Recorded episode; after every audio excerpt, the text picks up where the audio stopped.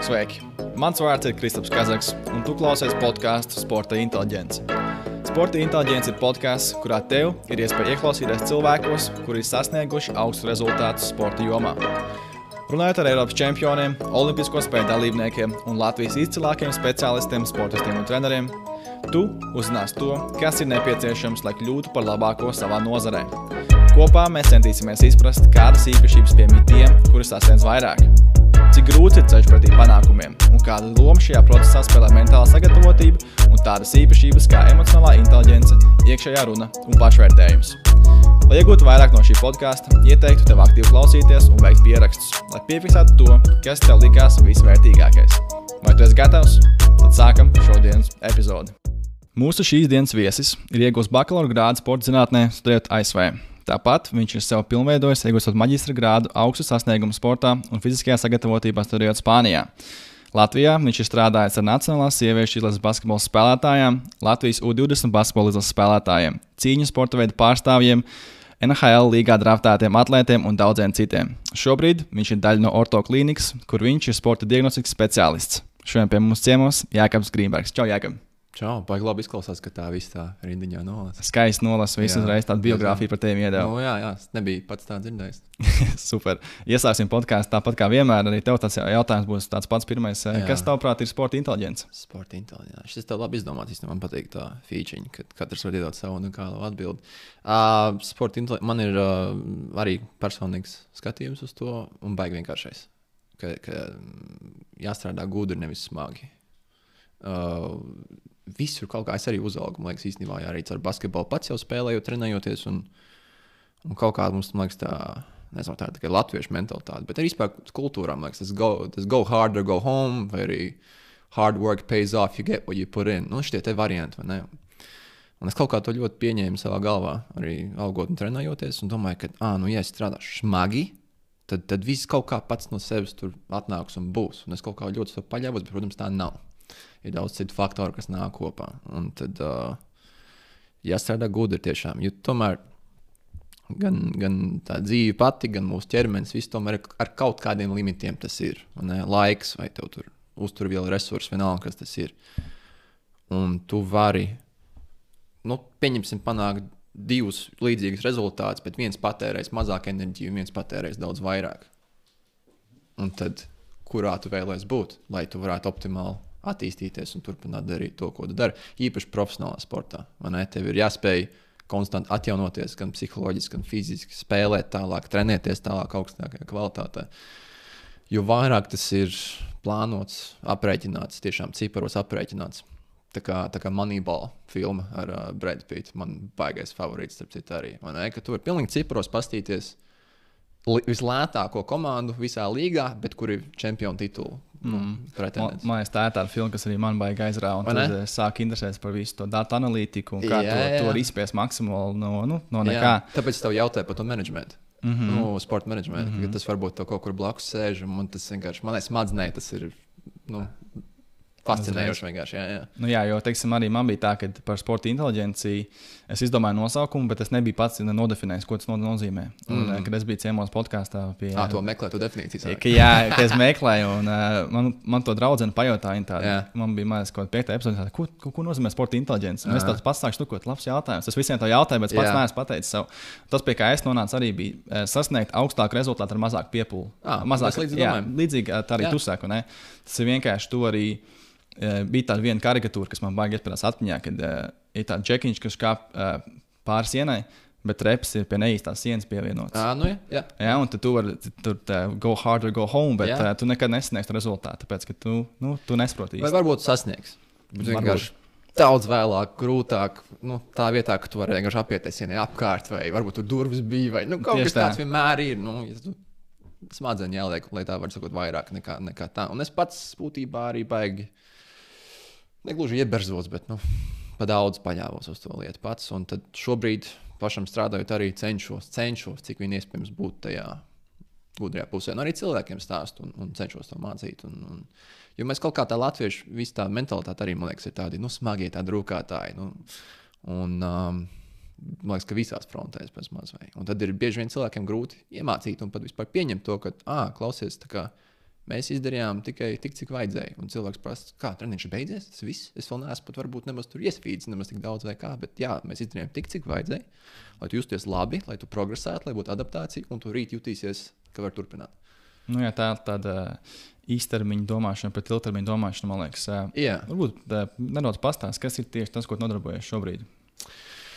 Šobrīd, šobrīd, šobrīd. Uh dažādos virzienos sanāk, tā attīstība īstenībā notiekās. Viens ir jā, tā sporta diagnostika, ko, ko mēs klīnikas ietvaros uh, lēnām būvējam, attīstām un, un cenšamies savā veidā pat arī popularizēt īstenībā. Tas, tas tādai, tādai lielākai sabiedrības daļai varbūt mazāk iepriekš bijis pieejams, varbūt, vai, vai mazāk par to ir bijis runāts. Bet, Bet būtībā svarīgi ir, ka īpaši rehabilitācijā, nu, ne pēc operācijas vai kādas nopietnākas traumas, nu, kad cilvēks ir gājis pie fizioterapeita un, un tomēr uh, cenšas atgriezties tajā sporta vidē, lai nav tā, ka vienkārši mēs domājam, ah, nu jā, man liekas, ka kad ir fini, nu, kad, kad tu vari iet un spēlēt, un gan jau būs viss kārtībā, gan jau. Ja.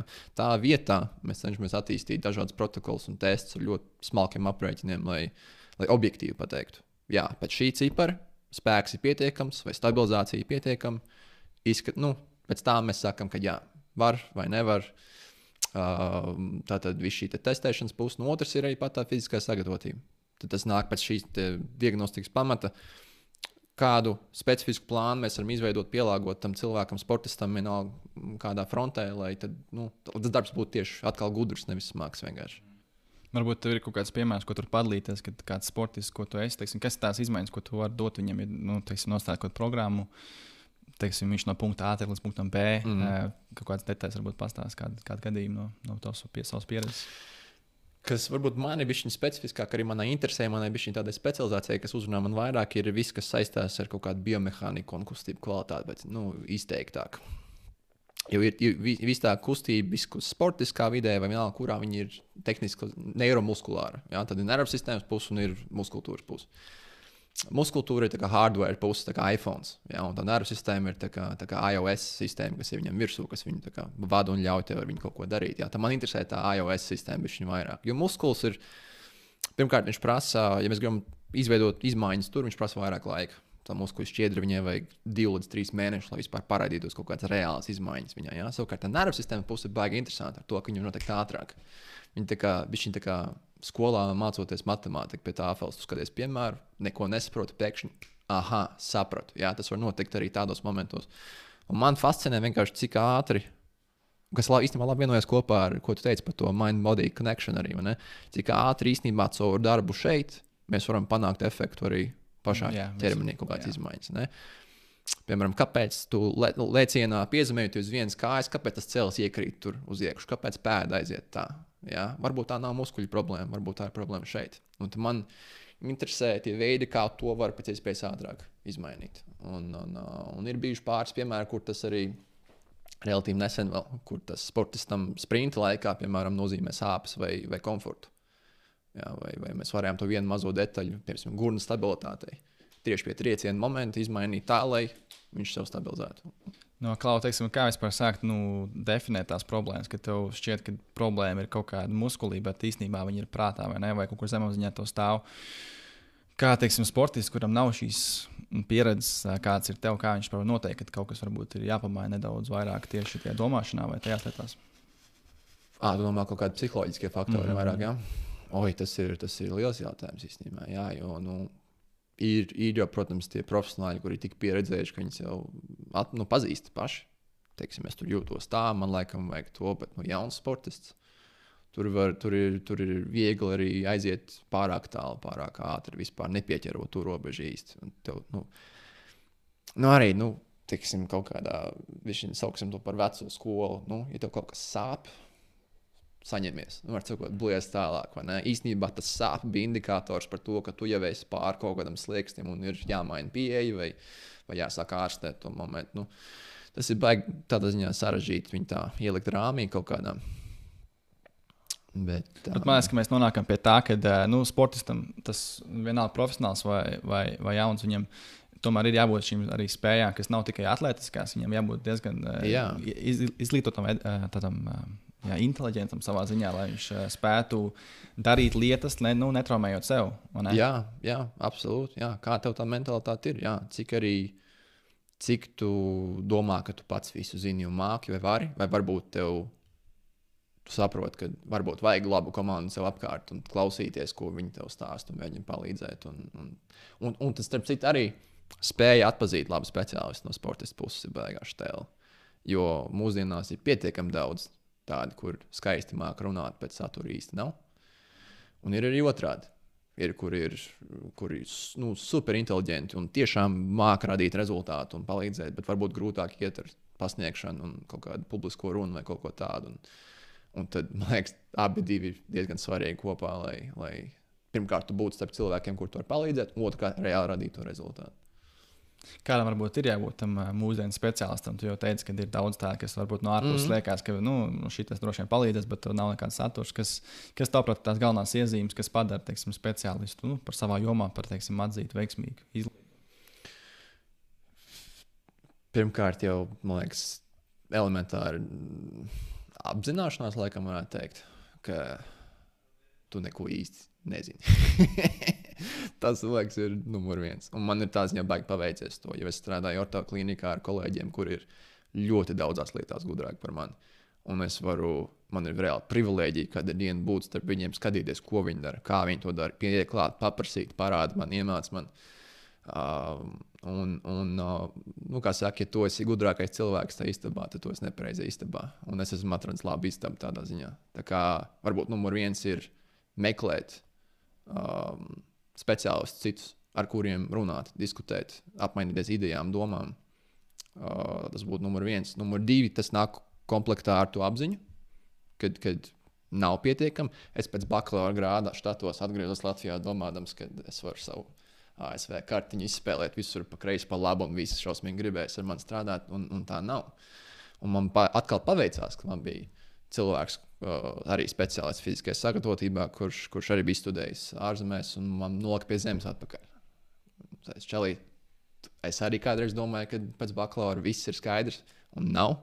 Un tad man ļoti labi iespēja bija ar to maģistru grādu Spānijā. Un, un, un tur nu, tiešām ir tā, ka labākā lieta, ko tu iemācies, ir, ka tu vēl neko nezini.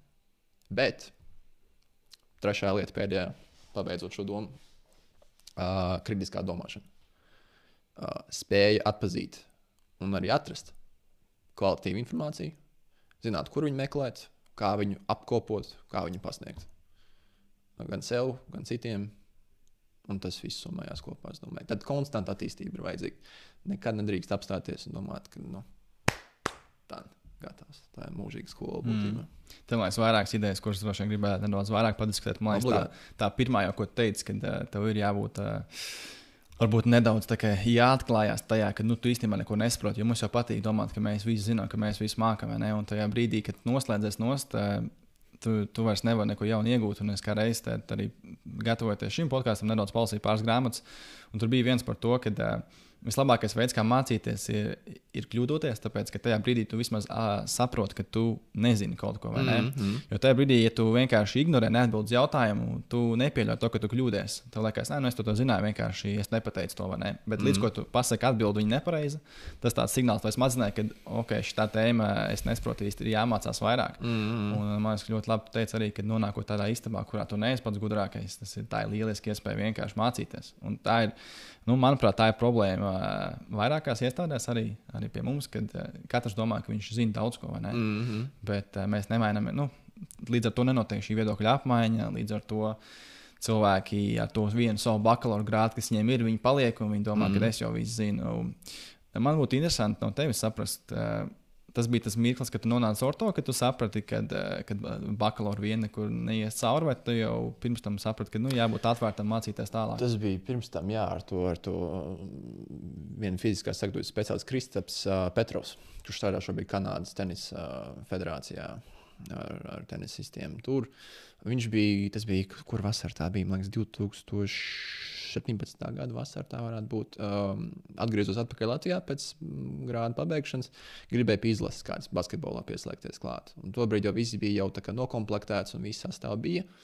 Un es tā kā būtībā caur basketbola savienību savu prezentēju, skatījos, nu, vai, vai ir kāda, kur es varu pieslēgties. Nu, kaut vai pa brīvu, bez, nu, vienkārši būt mm -hmm. klāt. Toreiz tā bija 18 izlases. Uvs Helmans bija galvenais treneris, un tad, attiecīgi, Kristaps bija fiziskās sagatavotības. Un pieslēdzos tur, un kas bija ļoti, ļoti interesanti, ir um, tajā pieredzes momentā, jo es ilgu laiku nebiju bijis tādā tik izteiktā komandas tajā settingā. Pirmās trīs dienas es gāju un piedalījos tajos treniņos un palīdzēju, tāpēc ka es domāju, ka es kaut ko iegūšu no tā. Un es nesapratu, man liekas, absurdi, ka man lielākā loma tajā treniņā ir būt ar slotu pie galdiņa malā. Ja kāds nokrīt, aizēju saslauku grīdu, es esmu pabeidzis bakalaura grādu sporta zinātnē. On, kāpēc man sloti ir rokā? Un pēc tam trim dienām kaut kas man, es jau teicu viņiem, ka šis priekš manis tur nedara un nestrādā, iešu kaut ko citu darīšu. Un tad viņi tā, ok, no problēma kaut kas man ieklikšķēja, ka es sapratu, ka, ka, kāpēc es esmu tik šausmīgi egocentrisks un skatos, ko es iegūšu no šī. Kad krūtākā lieta, ko darīt, ir tiem čaļiem iedot visu, ko es varu iedot. Ja tas nozīmē aiziet noslaucīt to grīdu no sviedriem, tad tas ir tas, ko es iešu izdarīšu. Es palikšu pēc treniņa divas stundas un padošu viņiem bumbas, lai viņi vairāk metienus izmest. Es to izdarīšu. Ja? Un man pilnīgi nomainījās tā mana pasaule, pilnīgi otrādi. Vēl komplektā ar to, ko tas Kristaps man teica, ja, kad čalīt pēc bakalaura grāda man arī likās, ka es visu zinu. Un tā kā studēju maģistru, pilnīgi pasaulē aizgāju citur. Būtībā nomainījās pilnīgi tas shifts par to, kāpēc es daru to, ko es daru. Kad, man liekas, tas ir viens no tiem jautājumiem, ko mēs vēl diskutēsim. Bet ļoti skaidri tapa, ka, un es vēl vairāk to sajūtu pie U20 pēc tam. Es, es pilnībā, man liekas, eksistēju un devos nu, tajā komandai, uztaisīt, nezinu, tur prīgēm kaut kādu mīlu divas stundas pirms tam katram pa maizītei ar zemesrīks sviestu ievāru un banānu šķēlīties vēl pa vidu. Tāpēc tas bija jāizdara. Un, un vispār nav divu domu par to, ka nevajadzētu to darīt. Tas vienkārši notiek. Un, un... Man liekas, ka eh, ļoti interesanti tas, ko teici šī nomaiņa, ko es varu iegūt no tā, ko es varu dot. Jo man bija līdzīgs stāsts Jā. arī, kad es biju uh, Premjerlīgā futbola klubā. Man bija tāds, ko es varu ņemt no šīs iespējas visu laiku. Un es strādāju komandā, bet es neapzinājos to, ka mēs strādājam kopā vien, nu, vienās interesēs. Un man liekas, ka man ir jābūt teiksim, tam, kurš tur visvairāk ko iegūst. Un tad tur arī bija tāda situācija vienkārši, kad, kad man liekas, ka uh, pēc gada tajā vidē es esmu kaut kas, vai ne? Es, es visu zinu, es vislabāk strādāju, vispārējie tā teikt, sečko neko nedara. Un es to viņiem arī tāpat pasniedzu, ka, nu, nu, ko jūs nedarat, visu, ko jūs varat, vai ne? Mm. Bet es neapzinājos, ka, ka tas varbūt ir viņa maksimums. Jā, teiksim, tas, ko es varu izdarīt, viņi to nevar būt. Nevar, bet tas mm. ir fini. Katram mm. ir savs limits. Nu, man ar tā sanāca apdedzināties, sanāca pēc tam šī pasēdēt, padarīt tās lietas, ko, ko varbūt es negribēju darīt, bet tas bija jāiziet cauri, jāiemācās tas, to savu ego apslāpēt. Kad, ka mēs jau, mm. nu, neviens tajā komandā nav par otru svarīgāks vai atbildīgs. Nu, katram ir sava loma katrs to savu lomu veids, un mūsu uzdevums ir, lai kopā mēs visi iet uz priekšu. Ne? Tas man arī tur jā, jā, absolūti kopējais rezultāts. Un tad tās uzvaras, kas nāk, ir sajūta, ka tās ir arī tavas uzvaras. Ne? Jā. Un tas, tas man iepriekš nekad mūžā nebija noticis. Tas, tas man bija kaut kas jauns un ārprātīgi tāds ar gandarījumu piepildīts moments. Un tad es biju gatavs darīt visu, un lai tikai es pat nebraucu to čempionu līdzi. Nu, tajā 18. Mm -hmm. Es paliku mājās, un nē, es formu dabūju, nē, es ko dabūju, bet es biju laimīgs. Absolūti, tiešām laimīgs par to, ka es varēju palīdzēt. Būt, būt, būt daļa no tā visa. Un būt daļa no tā visa, jā. Un, un nav svarīgi, kāds man tur grāts vai no kurienes es viņu dabūju. Vienkārši, nu, forši, ka tāda iespēja ir. Jā. Mm. Nu, tu jau pats pieminējies par to savu kāpēc. Droši vien varbūt varētu tā, tā, tā pateikt to savu kāpēc tu darbojies tajā jomā. Jo man liekas, ka es redzēju kaut kur arī internetā, tu, tu man liekas, biji pats teicis, ja tavs kāpēc ir pietiekami spēcīgs, tad motivācija nebūs problēma. Tad, tas varētu būt kaut kas tāds. Tad uh, mans tas jautājums izklausās pēc manis. Izklausās pēc tevis, ne? Tad tas mans jautājums tev, tad, nu, kas tas ir tavs kāpēc? Varbūt es pieļauju, ka viņš ir mainījies šo gadu laikā, bet kad, kas viņš ir tev šobrīd, tajā, ko tu nodarbojies? Kāpēc tu dari? Viņš, viņš, viņš parādās īstenībā liekas, daudz un dažādos līmeņos. Oriģināli pats pirmais, vispār, kas man motivēja pašā laukā virzīties uz priekšu un iet iekšā, bija jau entos gadus atpakaļ ASK Rīga basketbola kluba laikā. Arēnā Rīga bija lielās spēles, pilna tribīnas.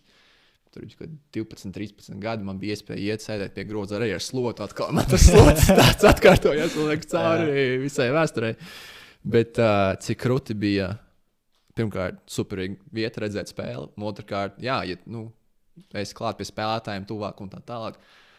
Un, un, protams, tu kā jauns puika tajā vecumā skaties uz tiem nu, sastāvu visu, un, un tur vienkārši kaifā par to, ka ārprāts no šitie čaļi, jā, visi uz viņiem skatās, visi grib būt kā viņi, jā, visi, visi absolūti fano par viņiem, un viņi jau met tos visus punktus iekšā un uzvaras un viss pārējais. Nu, tas bija nu, kā pie dieviem būt blakus. Un tā es pirms tās spēles parasti laicīgi varēju aiziet un skatījos, kā viņi iesildās. Un es redzu, ka iesildīšanās laikā viens pa vienam vai vairākiem iet pie pie citiem kaut kādiem nu, spēčukiem, vai tas ir galvenais treneris, vai fiziskais, vai fizioterapeits, kas. Viņi iet pie viņiem prasīt palīdzību. Tur iesildīties, iestaipīties, jau vienalga. Un es tagad savā galvā lieku to hierarhiju kopā, un es domāju, ok, es jau domāju, ka šis spēlētājs ir jau tas dievs priekš manis. Ja? Un šis dievs iet vēl lūgt palīdzību šim. Es domāju, cik krūti būtu, ja, nu, kad pirmkārt, jā, es gribētu būt tas spēlētājs, bet otrkārt, cik krūti būtu, ja tāds spēlētājs nāktu pie manis pēc palīdzības, pēc mana padoma. Un es varētu reāli viņam arī palīdzēt. Un redzēt, kā tā informācija palīdz viņam uzvarēt, un es varu just to uzvaru arī pie sevis kaut kādā mērā. Man tas likās absolūti amazing. Un kaut kādā mērā es vēl joprojām virzos uh, nu, uz priekšu, lai to visu vēl attīstītu un, un darītu vēl vairāk. Tagad es esmu vairāk iegājis pēdējos pāris gadus vairāk tajā rehabilitācijas pusē. Uh, kur, kur varbūt nevienmēr tas ir sportists. Varbūt iet runa pavisam elementāru spēju baudīt dzīvi, un labi justies un būt komfortā un, un tā tālāk. Bet arī tas ir tāds patīkams moments, ko, ko es skolas laikā nebiju mācījies. Man tagad tieši tajā fizioterapijas jomā esot, man ir sanācis to, to redzēt un saprast vairāk, ir, kas notiek brīdī, kad cilvēkam sāp. Un pēc tā darba tu vari izdarīt tā, ka viņam nesāp. Viņš atkal var skriet, un atkal var lekt, un atkal spēlēt, un atkal ko nu, tādu.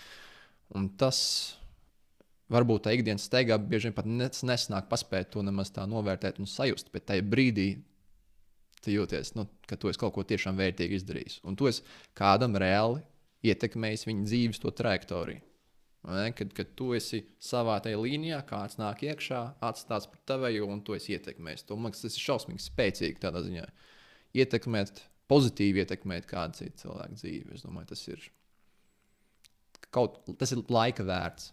Jā, tas man liekas, arī dod baigo perspektīvu, cik īstenībā tas ir. Kā, cik labi ir būt veselam, vai ne? Cik, cik labi, ka tev viss strādā, cik labi, ka tev nav šīs problēmas. Absolūti. Tas, ka jā. tu vari kādam palīdzēt, tas ir uh, vienkārši amazing, tā kā jau teici. Un, um, Es gribu atgriezties nedaudz atpakaļ pie tā, ko teici, kad tu sēdēji pie ASK Rīgas ar, ar slotu skatu un skatījies, ka viens bija šis tā, speciālists, kas palīdz spēlētājiem, otrs ir spēlētājs. Uh, Kāpēc tu varbūt pats nekļuvu par profesionālu sportistu? Jo pieļauju, ka tu jau droši vien vēlējies arī būt tas džeks, kas ir uz laukuma, nevis laukuma malā. Ne? 100%.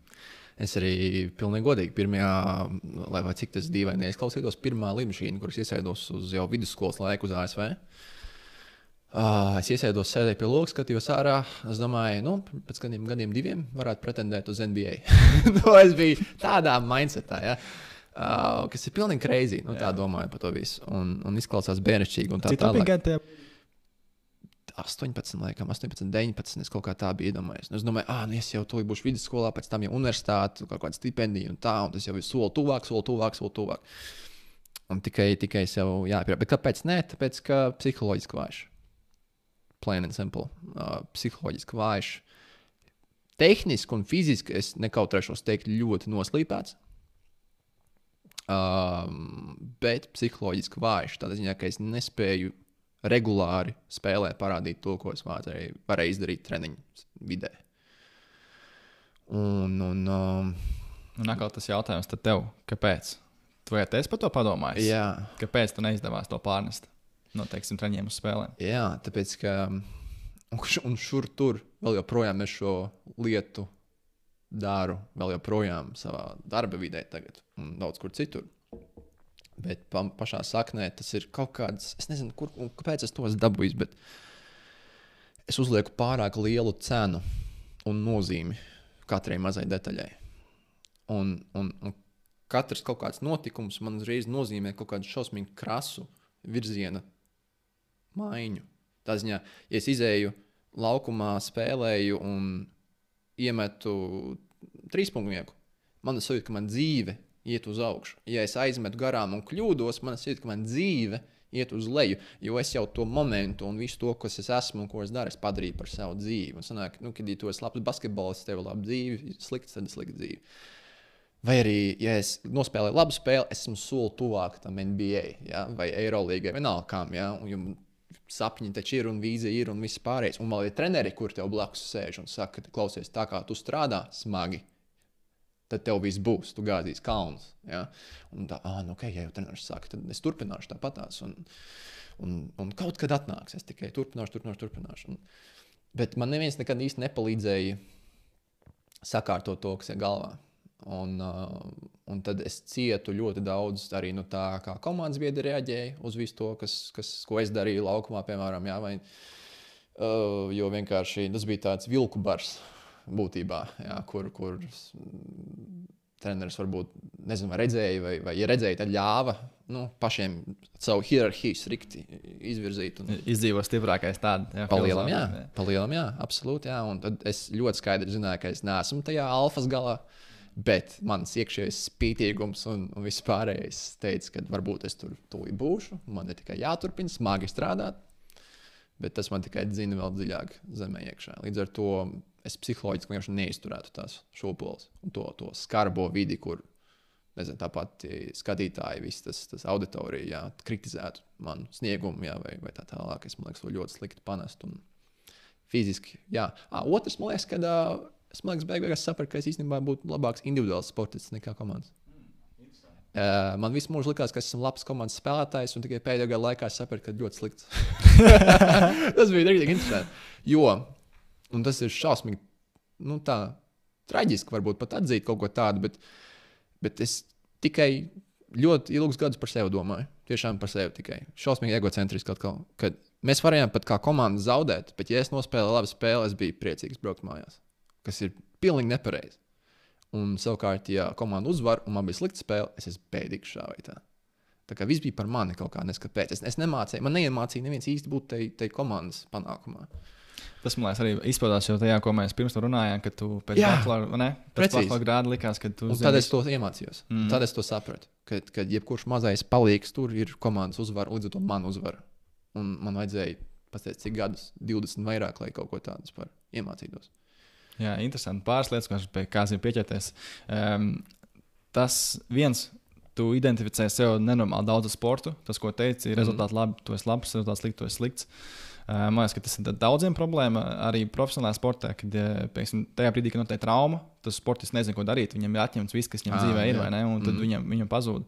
Un, un otrs ir atkal pēc tā, kā tu, tu teici, ka tu ļoti lielu uz, uzmanību liki katrai lietai. Tas ir perfekcionisms. Jā, tu, Absolut. gribi, tu gribi būt perfekts. Un, Absolut, jā. un līdz ar to tas nedaudz tev iegriež tajā, kad jā. Tu varbūt pat sāc baidīties, kļūdīties. Un, un, un, nu, tad mēs arī pirms podkāstā runājām. Tu man, tu man jautāji par šo podkāstu, kāds tam visam ir gala mērķis. Es saku, nu, es īsti nezinu. Es vienkārši mm. gribēju sākt, jo man arī dzīvē bija tā, ka es, es gribēju būt perfekcionists un es esmu tik daudz lietām. Viņas tā arī atlicis līdz galam neiztenojas. Tāpēc tikai un vienīgi tāpēc, ka es neredzēju to gala bildi. Mm, Bet daudz, mm. daudz svarīgāk ir vienkārši sākt. Mm. Un tu jau laika gaitā tas viss atnāks pie tevis, pie tevis paša. Klaubi, šī parunājot tālāk par, par, par ASV. Kā, kādā brīdī tu saprati, ka nu, nu nebūs sportists, kad jāiet mācīties? Vai tas bija paralēli, vai, vai kurā brīdī tu pieņēmi to lēmumu, kad jāmaina virziens? Pēc vidusskolas. Es 12. klasē, es pabeidzu 12. klasi arī jau, jau ASV.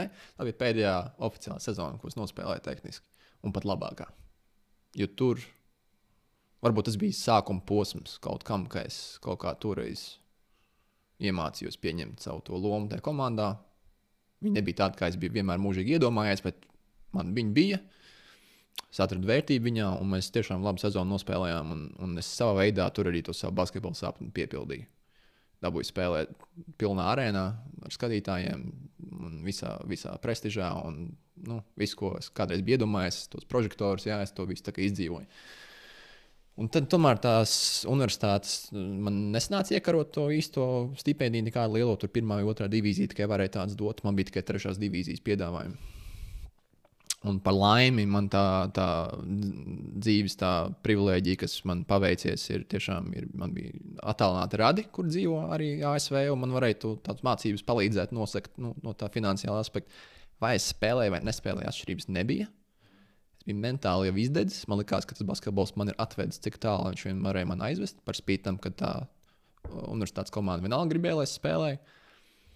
Un es jūtu, ka man tā ir tik unikāla iespēja turpināt izmantot tos resursus tieši tajā izglītības pusē un likt to basīt pie malas. Un tomēr es biju tik, tik, tik daudz, daudz gadus līdzis visu citu kaut ko pie malas dēļ tā basketbola. Nu, laika izpausmē, recovery un viss tas pārējais. Man, man kas superīgi izdevīgi, man ir četri gadi. Iet un mēģināt un darīt pilnīgi visu, ko es varu, tikai nu, bez tā basketbola. Un baigi interesanti lieta notiek, pirmkārt tev pēkšņi ir laiks dienā, ka tu vairs nezini, ko darīt ar sevi, tāpēc, ka parasti bija treniņš, recovery, viss tas pārējais. Tagad tev nav, un, un tev mainās arī tava identitāte. Visu mūžu tu esi Jēkabs Grunbergs, basketbolists. A, kas ir Jēkabs Grunbergs bez basketbola? Un tad tu sāc meklēt, un sāc domāt. Un tad, liku rīktīgi visu nu, laiku un enerģiju grāmatās un mācībās, un, un praktiski gāju to visu, mēģināju, pielietoju. Es pat sāku psiholoģiju īstenībā. Jā, pastāst par to, kāpēc. Kāpēc psiholoģija? Uh, man liekas, ka līdzīgi kā tev, man šausmīgi fascinēja tas mind-body connections. Un arī Latvijā man nekur nebija izdevība to psiholoģiju nekad nu, apgūt, mācīties. Un man kaut kas ļoti fascinēja. Ah, nu, laikam, tāpēc, ka man arī pašam mūžīgi ar to bija problēmas. Tāpēc, ka es pats to galvā nemācīju sakārtot. Es domāju, nu, jāizskatās, kas tur iekšā ir. Paralēli to vēl visu vēl dzirksteli piemet kaut kādas, tur tajā laikā iznāca šīs jaunās Sherlock Holmes filmas, tur ar to Robert Downey Jr. Ja?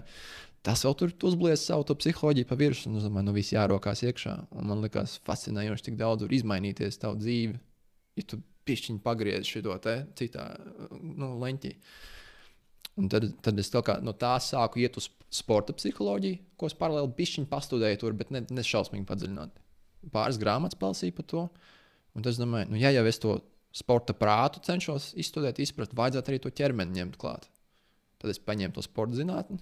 Man bija divi vienā brīdī, es sapratu, ka es abus nepavilkšu un paliku pie sporta zinātnes beigās.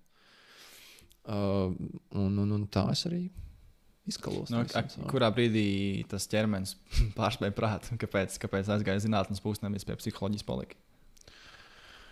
Uh, bija vairāk, man liekas, tajā brīdī pieejami resursi.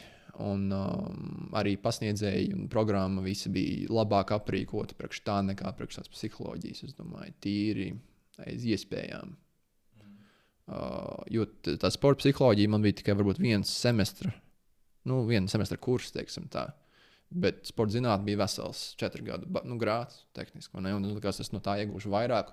Turpināšu to psiholoģiju, nu, pats tur interesēties, bet, bet, bet rīktīgi rakšos te ķermenī iekšā, sapratīšu, kā viņš funkcionē. Mēģināšu kļūt par tādu teiksim, bioprogrammētāju, jā, kurš, kurš varbūt var uzinstalēt kādu sistēmu virsū un nodzēst vecās nost. Tas man liekas tikpat interesanti. Ļoti labi. Man liekas, ka uh, tu pieminēji vienu lietu, kas, ko es arī gribēju nokomentēt par to savu identitāti, ja, kā, mm. kā tu redz pats sevi. Man arī tā bija problēma, bet man bija nevis ar sportu, bet ar darbu, kad uh, es kļuvu apsēsts nu, Kristofers Kazaks darbinieks futbola klubā. Mm. Un uh, man bija kā reize. Um, Mums ik pa nedēļai, tik pa divām nedēļām bija tikšanās ar menedžeru un nu, vienkārši tīri cilvēciski, kā jūties un ko dari. Un viņš jūt, ka es dagu ārā, ne, kad es pārāk daudz atdodu sev tai vienai lietai. Viņš saka, ko dari brīvā laikā? Mm -hmm. Viņš saka, nu, piemēram, es tur lasu, vai eh, es tur sportoju. Viņš saka, jā, bet kā tu atpūties? Mm -hmm. Es, nu, es lasu, viņš saka, tu lasi, lai tu atpūstos, vai tu lasi, lai tu izglītotos. Mm -hmm. nu, izglītotos. Viņš saka, tad sanāk, ka tu reāli neatpūties nekad, vai ne? Mm -hmm. Un tas noved pie tā, ka tu sāki degt ārā tas man liekas, arī sportistiem ir tas, ka, nu, ka viņiem nav nekas cits tajā dzīvē. Nu, ne, viņiem tikai nu, smags darbs, tad es sasniegšu visu, bet ļoti būtiski ir spēt nodalīt šīs divas lietas. Un man teikt, ļoti patīk, ir tāda viena jauna tenisa spēlētāja no Polijas. Um, kurš strādā kopā ar uh, sporta psiholoģiju, pašu izbijušu sportistu. Viņam, viņam ļoti labi sanāk tie sasniegumi, tāpēc ka viņi spēj nodalīt šīs divas lietas. Mm. Jā, mhm. teiksim, uh, Viņi spēja pateikt, mēs šodien beidzam spēlēt, mm. un tad ejam darīt citas lietas. Ja? Jo tev jābūt laimīgam ārpus tā sporta, lai tu sasniegtu piekrīt tam. Mm. Un, uh, tas, um, jā, tas man liekas ļoti fascinējoši, kad, kad tā ir tā tēma, kur daudz ne, neizprot. Ne? Un, teiksim, tagad tajā, to, ko tu dari, um, tas ir mūžīgais jautājums, droši vien, kas svarīgāks - ķermenis vai prāts. Varbūt tās tavs domas vienkārši par to, kāds iet kopā, teiksim, lai tu būtu labs sportists. Nu, tā mīja darbības ar ķermeni un prātu um, vai tikai būt atletisks un spējīgs, to tu vari sasniegt kaut kāds rezultāts, vai tev tomēr ir jābūt arī diezgan apeltītam ar šīm spējām. Tur analizēt sevi, savas rīcības, tur no plānot. Sporta atkarīgs pilnībā. Jo ir sporti, kur um, var vienu atļauties, bišķiņu varbūt paņemt vairāk malā. Nu, Crossfits, piemēram, tagad sprāgst visā pasaulē. Nu, īstenībā vairs jau nē, man liekas, bija karstākie gadi vēl, kad 3, 4 atpakaļ tam crossfitam visam. Jā, bet, teiksim tā, ja mēs paskatāmies uz iemaņām, skill iemaņā, jā, pret, um, uh, kas būtu vienkārši fiziska, nu, kapacitāte, jā, tad, protams, kaut kāda psiholoģija ir tajā pašā crossfitā. Nu, kā tu sev sagatavo mentāli, ja tur ir jāpārvar mentālās barjeras un tā tālāk. Bet, bet pēc tam, kad tas atšķiras sākās, go, go, go. Nu, vienkārši tu, tu bliez ārā visu pēdējo resursu, kas tev ir. Un, Savukārt, pretī basketbols, tev ir gan tas fiziskais, gan tās iemaņas. Un iemaņas vairāk spiež to psiholoģiju, lēmumu pieņemšanu, timings, nu, visas vis tādas lietas. Tā kā baigi atkarīgs arī pirmkārt, kāds jau tev ir tas, tas līdzsvars iekšējais, tas psiholoģiskais pret fizisko, vai tas sakrīt labi sakrīt ar sporta veidu, kurā tu esi, un vai tu māki un apzinājies vēl to korrigēt pēc tam. Man liekas, šī tāda tā ķīmija tur varētu būt. Un, um, un tad manā gadījumā es biju varētu teikt, sporta veidā, kurš ļoti pieprasa to psiholoģisko, bet es liku akcentu tikai uz fizisko un, un tehnisko. Tās arī nekur tālu netika. to. Tas droši vien bija tāpēc, ka tev neviens nebija blakā, kas to varētu pateikt, ka uh, tam visam ir trešais elements. vai ne? Jā, Bet Man liekas, likās ļoti interesanti. Tu Nostrādāji Spānijā pie profesionālas basketbola komandas klāt, un tur kaut kādā momentā kaut kur es redzēju, ka tu teici, ka uh, tiek attīstīts ne tikai fiziskais talants, bet arī tas, tiek attīstīts tas cilvēks kā tāds, vai ne tas bērns, jaunietis vai arī sportists.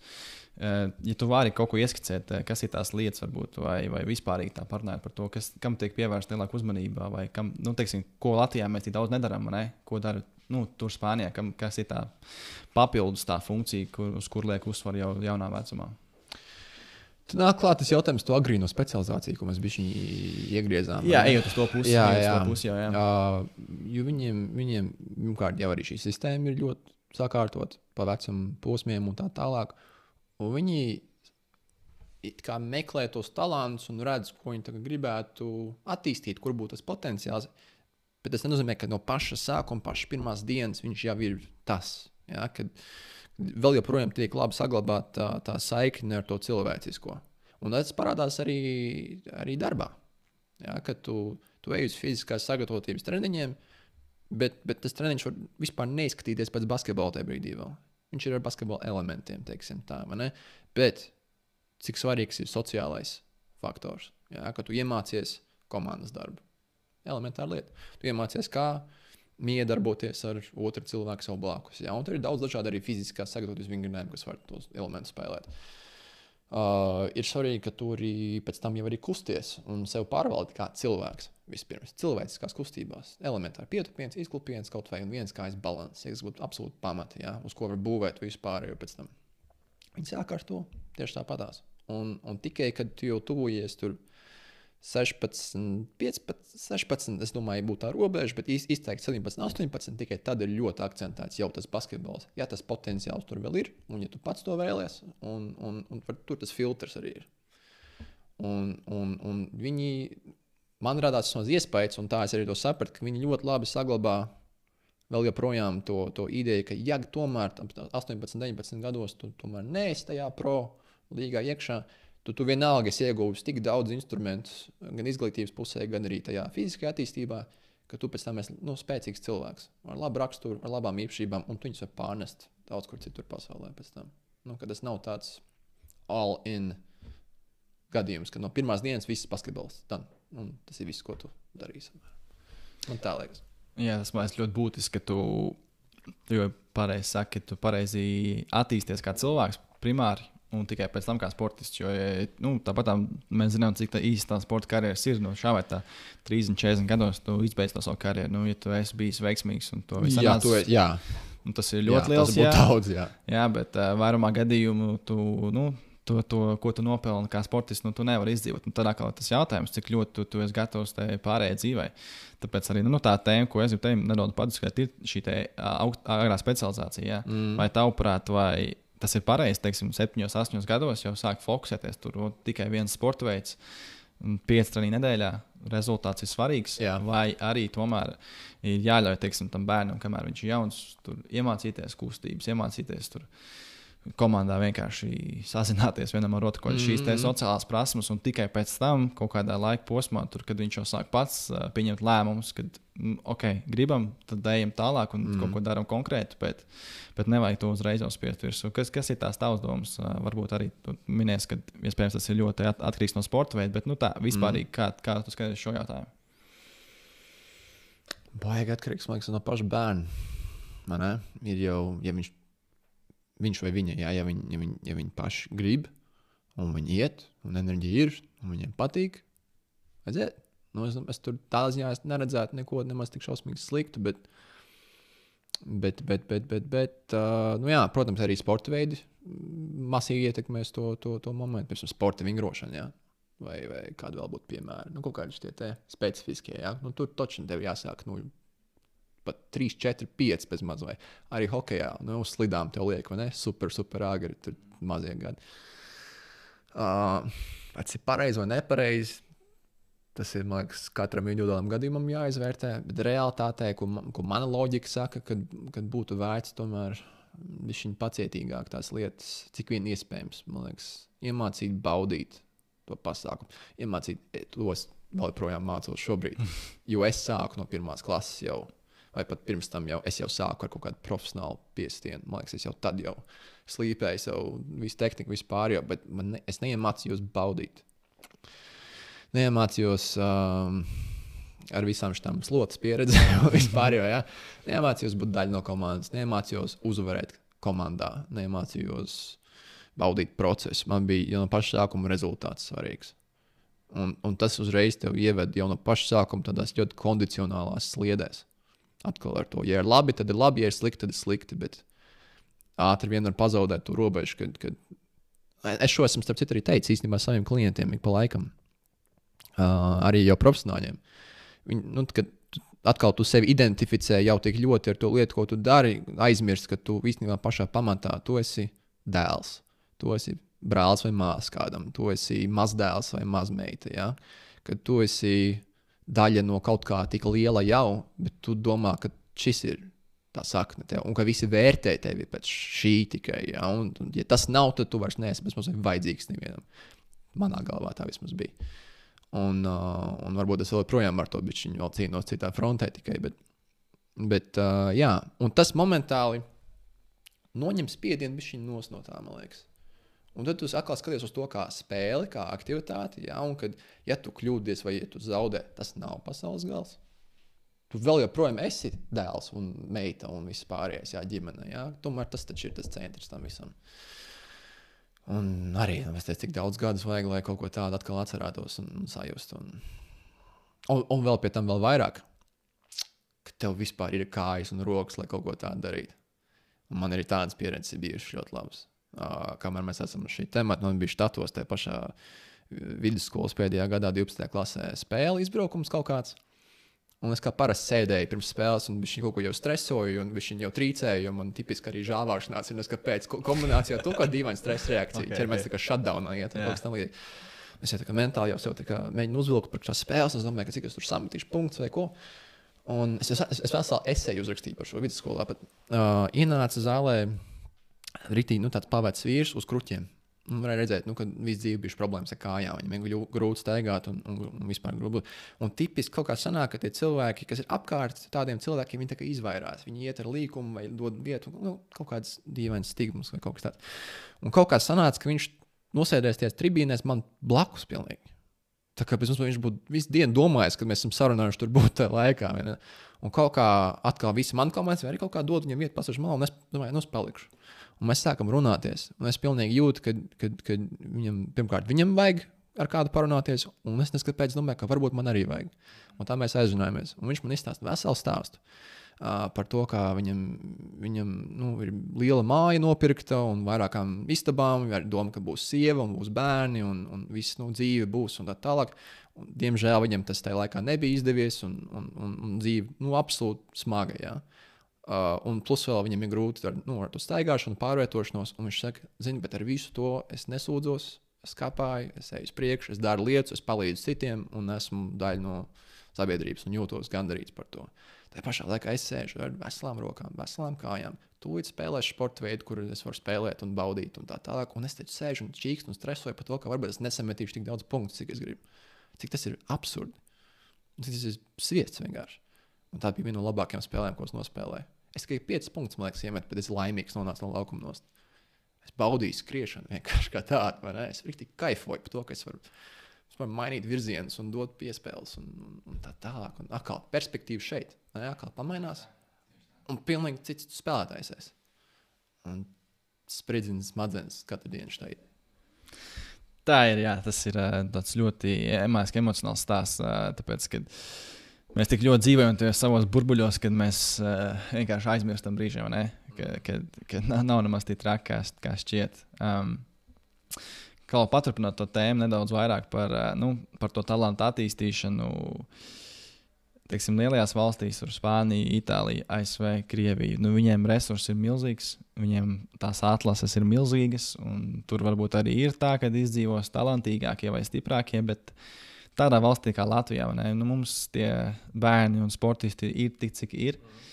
Ko varbūt varam mēs tādu no praktiskā viedokļa darīt, lai nu, mēs pēc iespējas vairāk to potenciālu realizētu tiem jaunajiem sportistiem, nu, lai viņi neizdegtu, lai viņi neiet projām, lai nesāktu traumēties un nu, neizbeigtu to savas karjeras. Kas ir kaut kādas tādas lietas, varbūt, par kurām tu esi aizdomājies? Kā pacelt to sporta līmeni Latvijā vai vienkārši kaut kādos individuālos gadījumos? Ir um, jau labi piemēri no šīm ārvalstīm, kurām, kurus tu jau pieminēji, nu, par sistēmām, ne, kas viņiem ir. Viņiem ir šie filtri, kā viņi jau, piemēram, Spāņi jau 13, 14 gados jau atlasa, jau tīri pēc auguma. Viņi zina, basketbolā, esi pie divu metru jau tajā vecumā, tev ir potenciāls. Tāpēc, ka viņi zina Eirolandes vidēju augumu.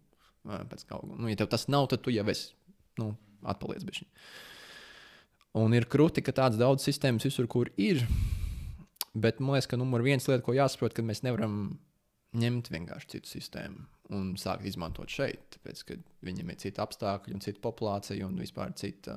Nu, ideja tam, kas var vispār nestrādāt šeit.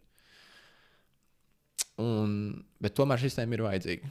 Tomēr tas filtrs ir vajadzīgs. Un, un ja mēs iesim tikai tādā pašplūsmā, nu, kaut ko savāksim un bliežam uz Eiropas čempionu, nu, tad arī rezultāts būs random. Ja? Random selection leads to random result. Uh, tā pašā laikā es runāju, man ir, man ir ļoti labs, jau, jau varētu teikt, jau ģimenes, ģimen, nu, ir arī daļa no ģimenes, un uh, jau ir ļoti labs draugs. Uh, kurš tagad strādā Austrālijā, uh, Austrāļu riteņbraukšanas savienībā.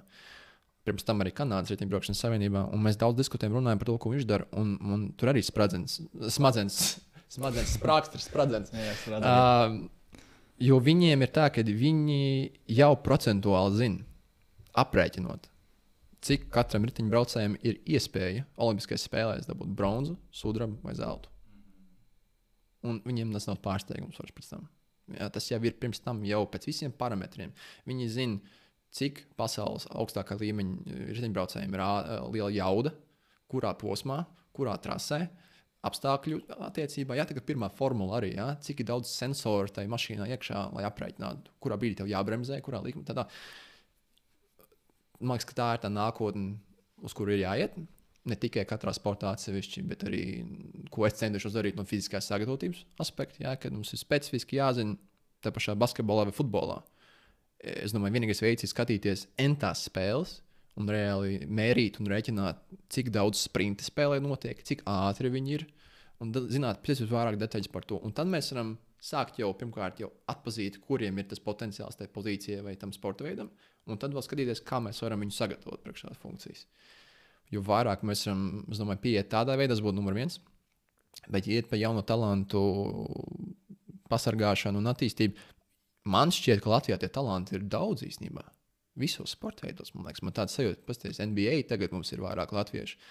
Nu, futbolu es tu zinās labāk, kā es gan jau, bet es nebūtu pārsteigts, ja arī tur būtu daudz nu, jaunu talantu, kas aug. Un... Nu, Ziniet, kā futbolā ir tas stāsts, ka mums ir daudz talantu līdz noteiktam vecuma posmam. Jā, ir tā pārējai, kad mēs nespējam tomēr pārnest to, teiksim, no 18, 19, pat 21. Jā. Bet, kad notiek šī pārējai uz pieaugušo profesionālo sportu, tad neskapēc mēs salūstam vai mēs neesam spējīgi spērt to nākamo soli. Sapratu, kas ok. Hoķis gan mums man liekas, diezgan labs ir arī. Taču NHL vairāk spēlētāji un, un jaunatnes sistēmās un, un, un visur citur.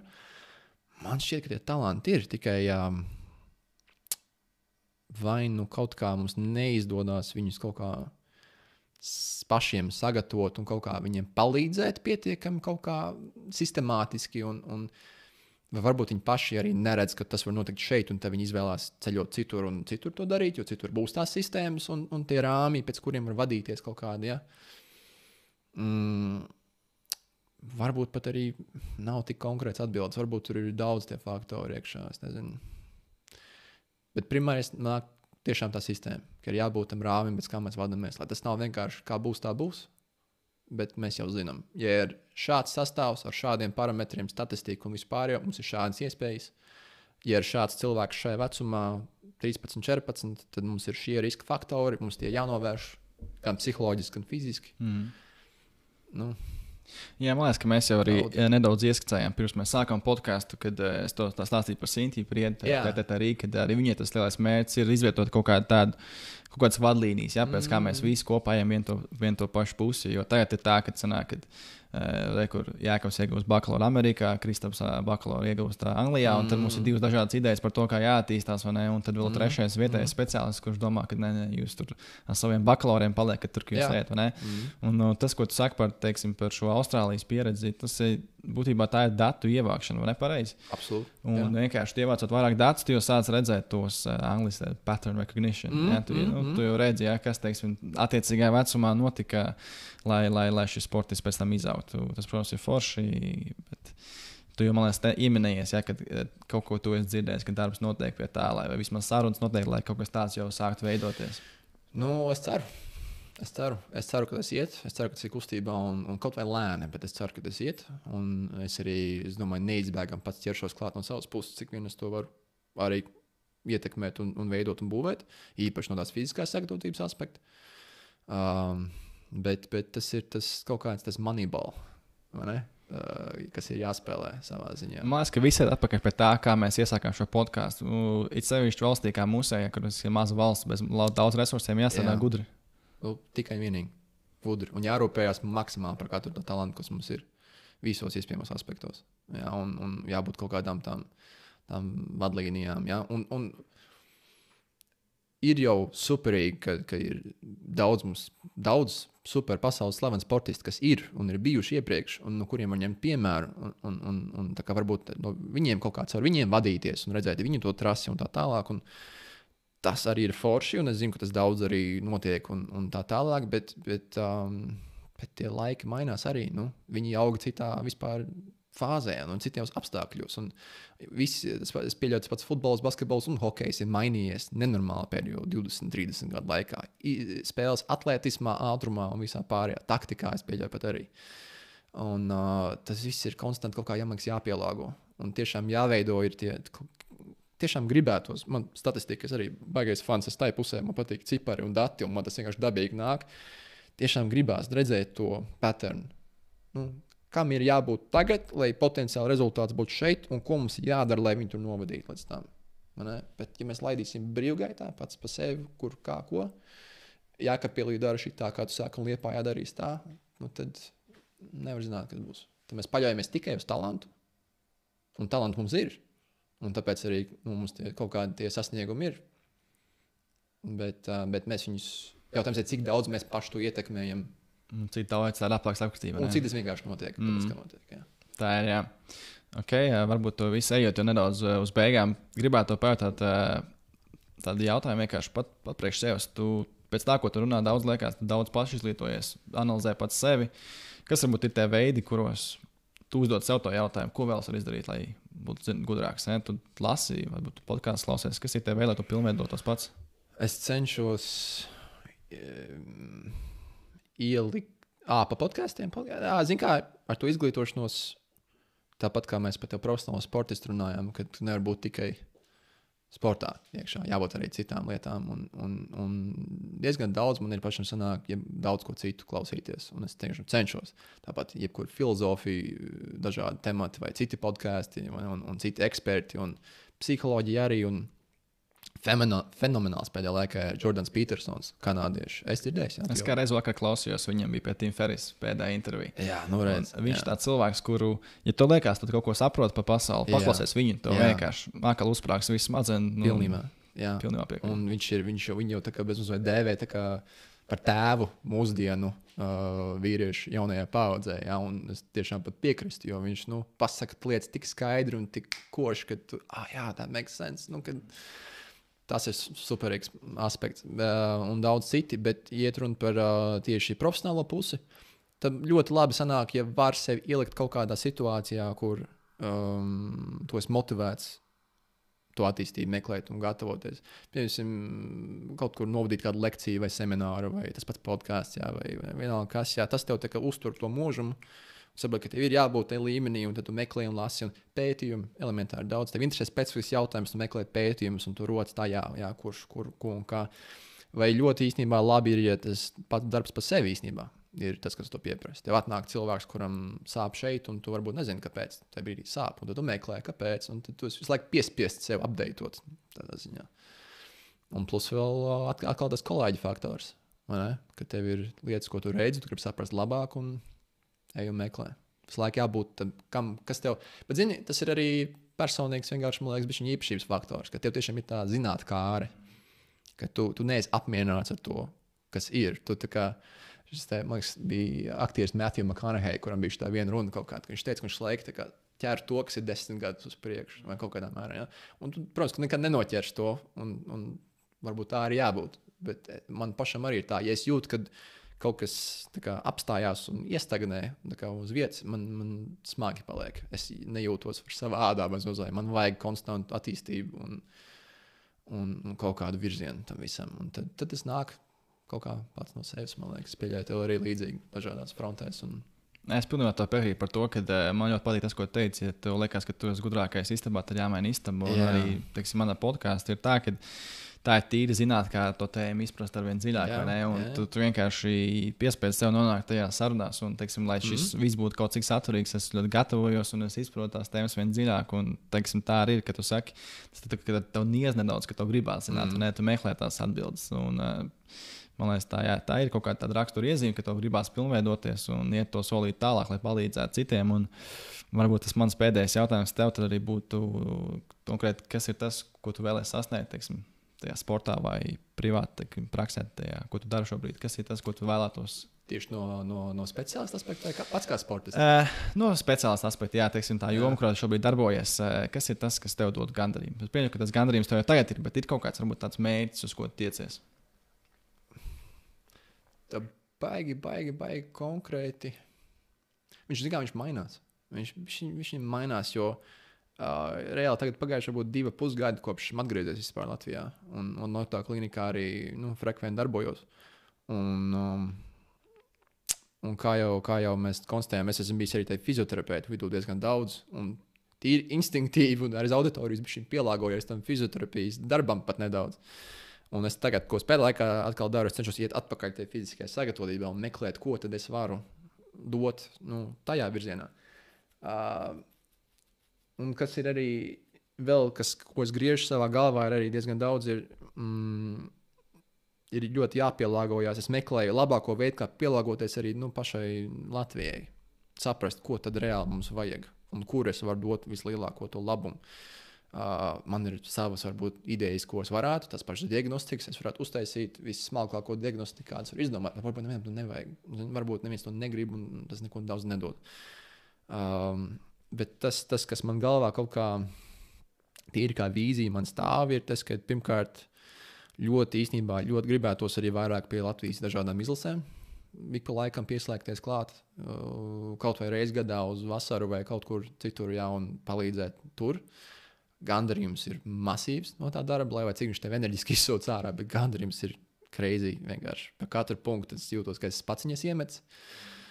Tas būtu viens. Numur divi būtu šis kaut kāds sistēmas rāmja darbs. Jā, tiešām izpētīt to lietu tik smalki, tik padziļināti, cik vien iespējams. Lai pēc tam izveidot to rāmi, Un viss, ko atliek izdarīt, ir vienkārši likt cilvēku viņu iekšā un, un, un, un redzēt, kā, kā tas notiek. Superīgs piemērs ir uh, Maiks Boils. Varbūt dzirdēts, varbūt nav fiziskās sagatavotības viens no pasaules top, top večiem. Viņš Bostonā strādā ASV. Ļoti pieredzējis, ļoti populārs. Viņš strādā ASV nacionālajām izlasēm dažādos sporta veidos. Un, nu, daudz, daudz gatavojas cilvēks. Un, un viņam ir viens no zemākajiem, ja nemaldos, procentiem arī traumu, nu, traumu atgadījumos, teiksim, tā ar visiem, ko viņš strādā ļoti specifisks metods. Un arī viņam, jo viņa pati jau svaru zāle jau ir iekārtot tik nu, sistemātiski, jā, ka tu jau zini, kā lietas notiek. Tur ir sistēma, tur ir viss, visas, visi tie rāmi. Nu, man, man, man, liekas, tas ir tas, kas man uzrunā visvairāk. Es savā galvā redzu, kā es to gribētu realizēt. Es nezinu, kad, es nezinu specifiski kā, bet tas ir tas, kur man šķiet, ir vērts savu laiku un enerģiju dot. Lai tad pat ja es pēc tam beigās, nevis ja, kad es vairs neesmu, kaut kas ir palicis un tas turpina dot labumu un, un tieši specifiski Latvijai. Jo arī kāpēc es vispār atgriezos šeit? Um, es varēju visticamāk būt daudz kur citur. Eiropā, varbūt pat arī kaut kur Amerikas pusē, ja es baigi, baigi gribētu. Bet um, tur visur es tā padomāju, es esmu aizstājams vienas dienas laikā. Ja es aizēju, vai ja man atlaiž, vai ko, nākamā diena cits spēks ir vietā.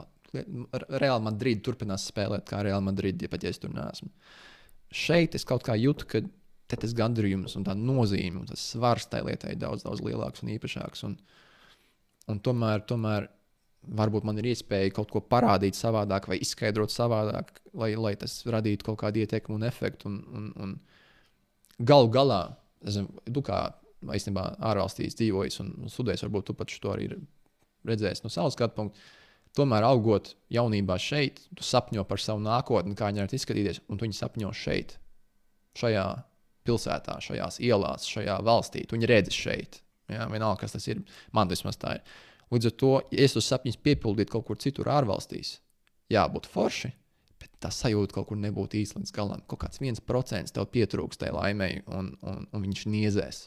Un es viņu varu apmierināt tikai šeit lai vai cik te būtu pelēki, vai grūti, vai finansiāli savādāk kā citur. Es kaut kā esmu gatavs to pa, paņemt malā, bet, bet piepildīt to lietu šeit. Un, un, un, uh, ir daudz lielāka māksla radīt lielus panākumus no, no, no, no šejienes mm. nekā no Real Madrid. Tā. tā ir. Jā, tas ir stāsts droši vien par vērtībām. Es vēl varbūt meklējos tajā par to savu nākotni, jo uh, man kā reiz ir tā, ka man, vēl, man bija vēlme pamēģināt, bet tas atkal, atkal ir pie tā zinātnēkāras. Kaut kā būtu nonākt tur. Man mm. visu laiku bija, nu, kā būtu nonākt Premjerlīgā. Es mm -hmm. tev teicu, pirms podkāstā, man liekas, tur kaut kāda robota strādā, tad pārcēlās. Jā, jā, jā. Likās, nu, nereāli, nu, ne jau, kad es tur nokļūšu. Un tad tu, tu nokļūsi, tu apmierini to savu zinātnēkāru. Un uh, tu saproti, nu, ka tas, tas nav tas gala rezultāts. Tas nav tas, kas tev to laimi vai mm. to tavu mērķi piepildīs. Un tad tu viņu turpini attīstīt, tu viņu turpini pārveidot. Un, Man liekas, ka ļoti būtiski vienkārši saprast, eh, man liekas, kas arī ļoti izkristalizējās mūsu sarunas laikā, ir vienkārši priecājies par to, kas tev ir. Ja tu esi vesels, ja tu vari sportot, ja tu vari attīstīt sevi, tas tā jau ir liela dāvana, Jā. par kuru jābūt pateicīgam. Un, man liekas, eh, to visu nobeidzot, es domāju, ka ja mēs turpināsim gudri strādāt, un paļausimies uz kaut ko konkrētu un faktiem, nevis tikai tā ar, ar izslēgtu gaismu, iesim istabā, ne, tad droši vien mm. tie rezultāti arī ar laiku palielināsies un būs. Un, jā, tiešām milzīgs tev paldies, jā, ka atnāci. Paldies mums. tev. Jā, paldies, vai, vai, ka piekrīt sarunai. Man liekas, ka mēs varētu vēl vienu stundu droši vien es turpināt runāt. Pilnīgi mierīgi, pat šī tā pagāja. Vai ne? Un es var, nu, redzēsim, var jau būt, ka nākotnē mēs varam vēl vienu atkārtot sarunu par kaut ko konkrētāku. Bet jā. tiešām liels tev paldies un ceru, ka tev viss izdosies. Tā tāpat nāc, nevajag. Ja tev patīk šī epizode, tad tā noteikti patiks arī kādam tavam draugam. Padalies ar to! Piesko mums YouTube, neliec novērtējumu Apple podkāstu platformā. Paldies, ka klausījāties! Tiekamies jau nākamajās sporta inteliģences epizodēs!